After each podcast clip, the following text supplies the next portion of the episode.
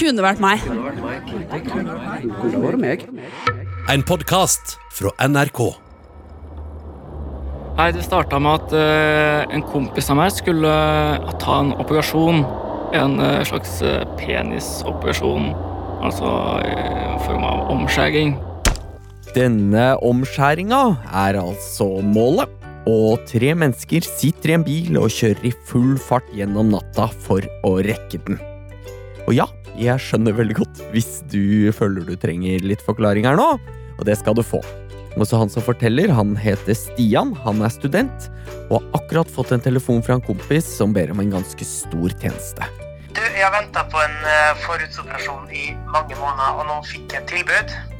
Eh, hvis jeg kommer til sykehus i morgen tidlig, så kan jeg få fiksa det der, men det er sju-åtte timer å kjøre. Kan du være med som sjåfør? Så Stian og en felles venninne blir med som sjåfører. Så da fikk vi låne en bil av, eh, av en eh, venn. Ganske gammel, liten bil med elendige fjernlys. Og hvis du nå lurer på hvorfor det haster seg, Mari, med å få fiksa denne trange forhuden, så kan jeg fortelle det. Det har jeg akkurat lest meg opp på. Og jeg har full forståelse for at han kompisen ville få fiksa dette her kjapt. Fordi trang forhud kan føre til smerter ved ereksjon og sterke smerter under samleie, og hvis han hadde hatt trøbbel med dette en god stund, så ja. Så derfor altså sitter disse tre menneskene og kjører på for å rekke denne operasjonen. Vi skulle kjøre over natta, og så skulle, hadde vi sett for oss en, satt av en ekstra time til da, hvis noe skulle skje og slike ting. Begynte vi å kjøre, og så ganske halvtime inn så skal vi ta en ferge. Og den mister vi med 10-15 sekunder. Og vi må vente en time ekstra da, på neste ferge. Da har jo allerede den ekstra timen vår gått, så da tar vi neste ferge, og så gasser vi på. Bilen er eldgammel, det brøler fra motoren, og de dårlige fjernlysene gjør at Stian nesten ikke ser noe som helst. Og da midt i veien så står det en svær elgku, så da bråbremser jeg. Det hviner fra dekkene, Stian slenger bilen til sida. Halvveis ut i grøfta snidder han elgen og får redda bilen tilbake på veien. Klarer akkurat å svinge rundt den. da. Adrenalinet pumper, Stian skjelver på henda og må kjøre mye roligere videre.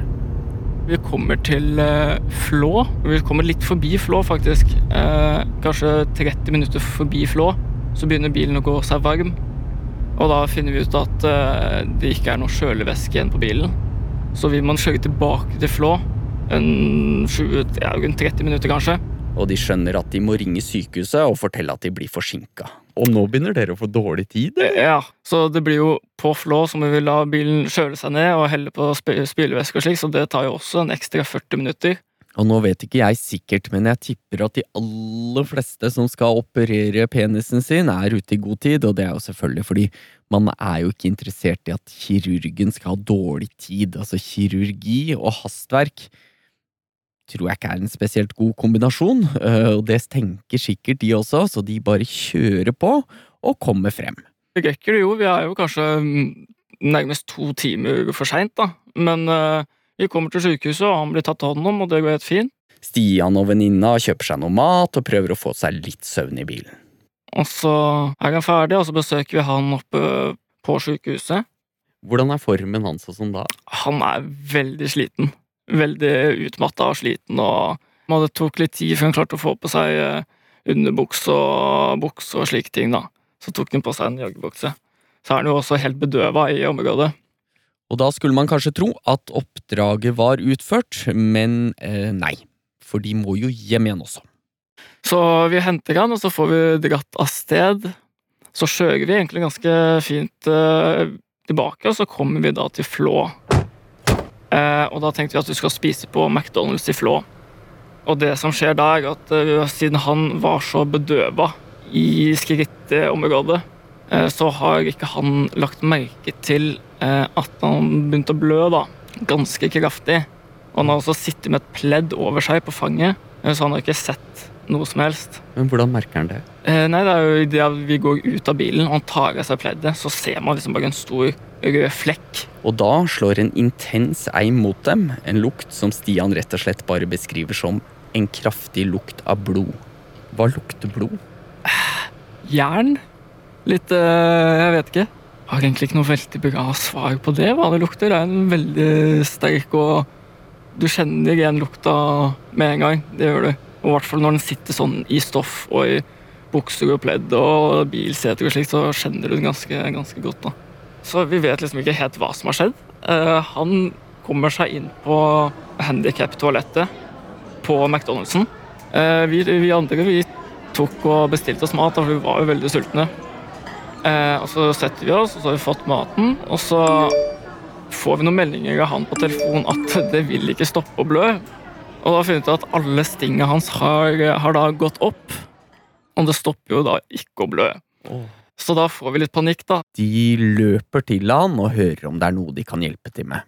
Og det fossblør eh, ut av, eh, ut av eh, tissen hans, da. Det var blod på gulv, det var på vask, det var på speil. Jeg vet ikke, Det var på sånn der stellebord, på do. Og han hadde jo prøvd å tørke opp litt på egen hånd, men det blodet ble bare dratt utover hele gulvet og overalt. Og de klarer ikke å få stoppa blødningene med dopapir og tørkeservietter, som er det de har på doen der, så venninna beiner til et apotek i nærheten for å hente mer utstyr. Eh, Men på dette apoteket så var det jo ingen som kunne noe om det der, eller overhodet, eller var noe hjelp å få, da. Så fikk noe vanlig bandasje av noe slag, da. Han står og ordner inn på denne, dette toalettet i kanskje 40 minutter. Og de innser etter hvert at dette er noe de ikke klarer å fikse, og får panikk. Så vi begynner å ringe til sykehuset. Det vi får beskjed om da, er at eh, vi burde finne en legevakt. Og heldigvis var det en legevakt like ved. Eh, Men det var jo egentlig ikke noe legevakt, det var jo en helsestasjon. Altså med for barn og slike ting. Eh, Der viser det at det er stengt, selvfølgelig.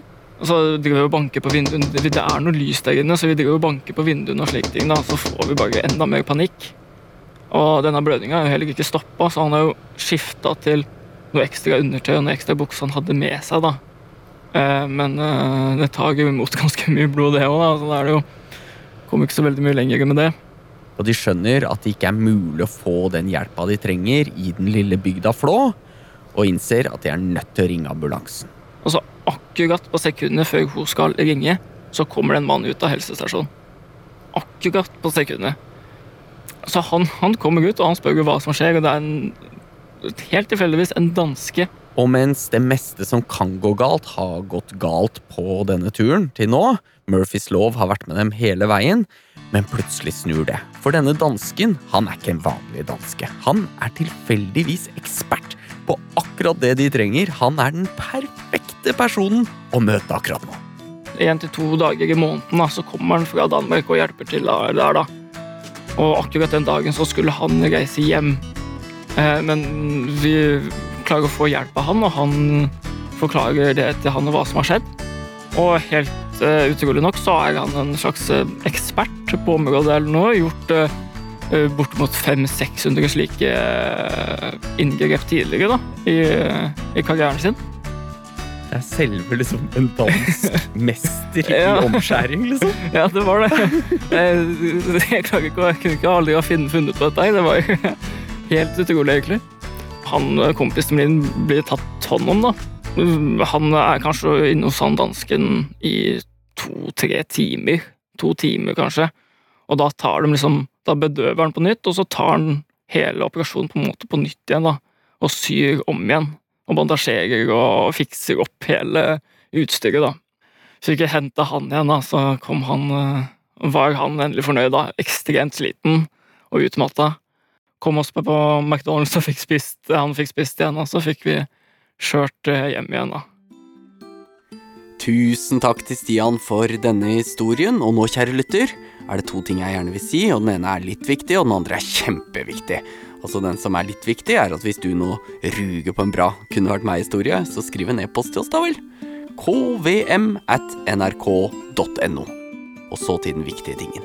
Hvis det viser seg at du kjenner han de lånte bilen av, ikke fortell hva den mørke flekken i passasjersetet kommer av.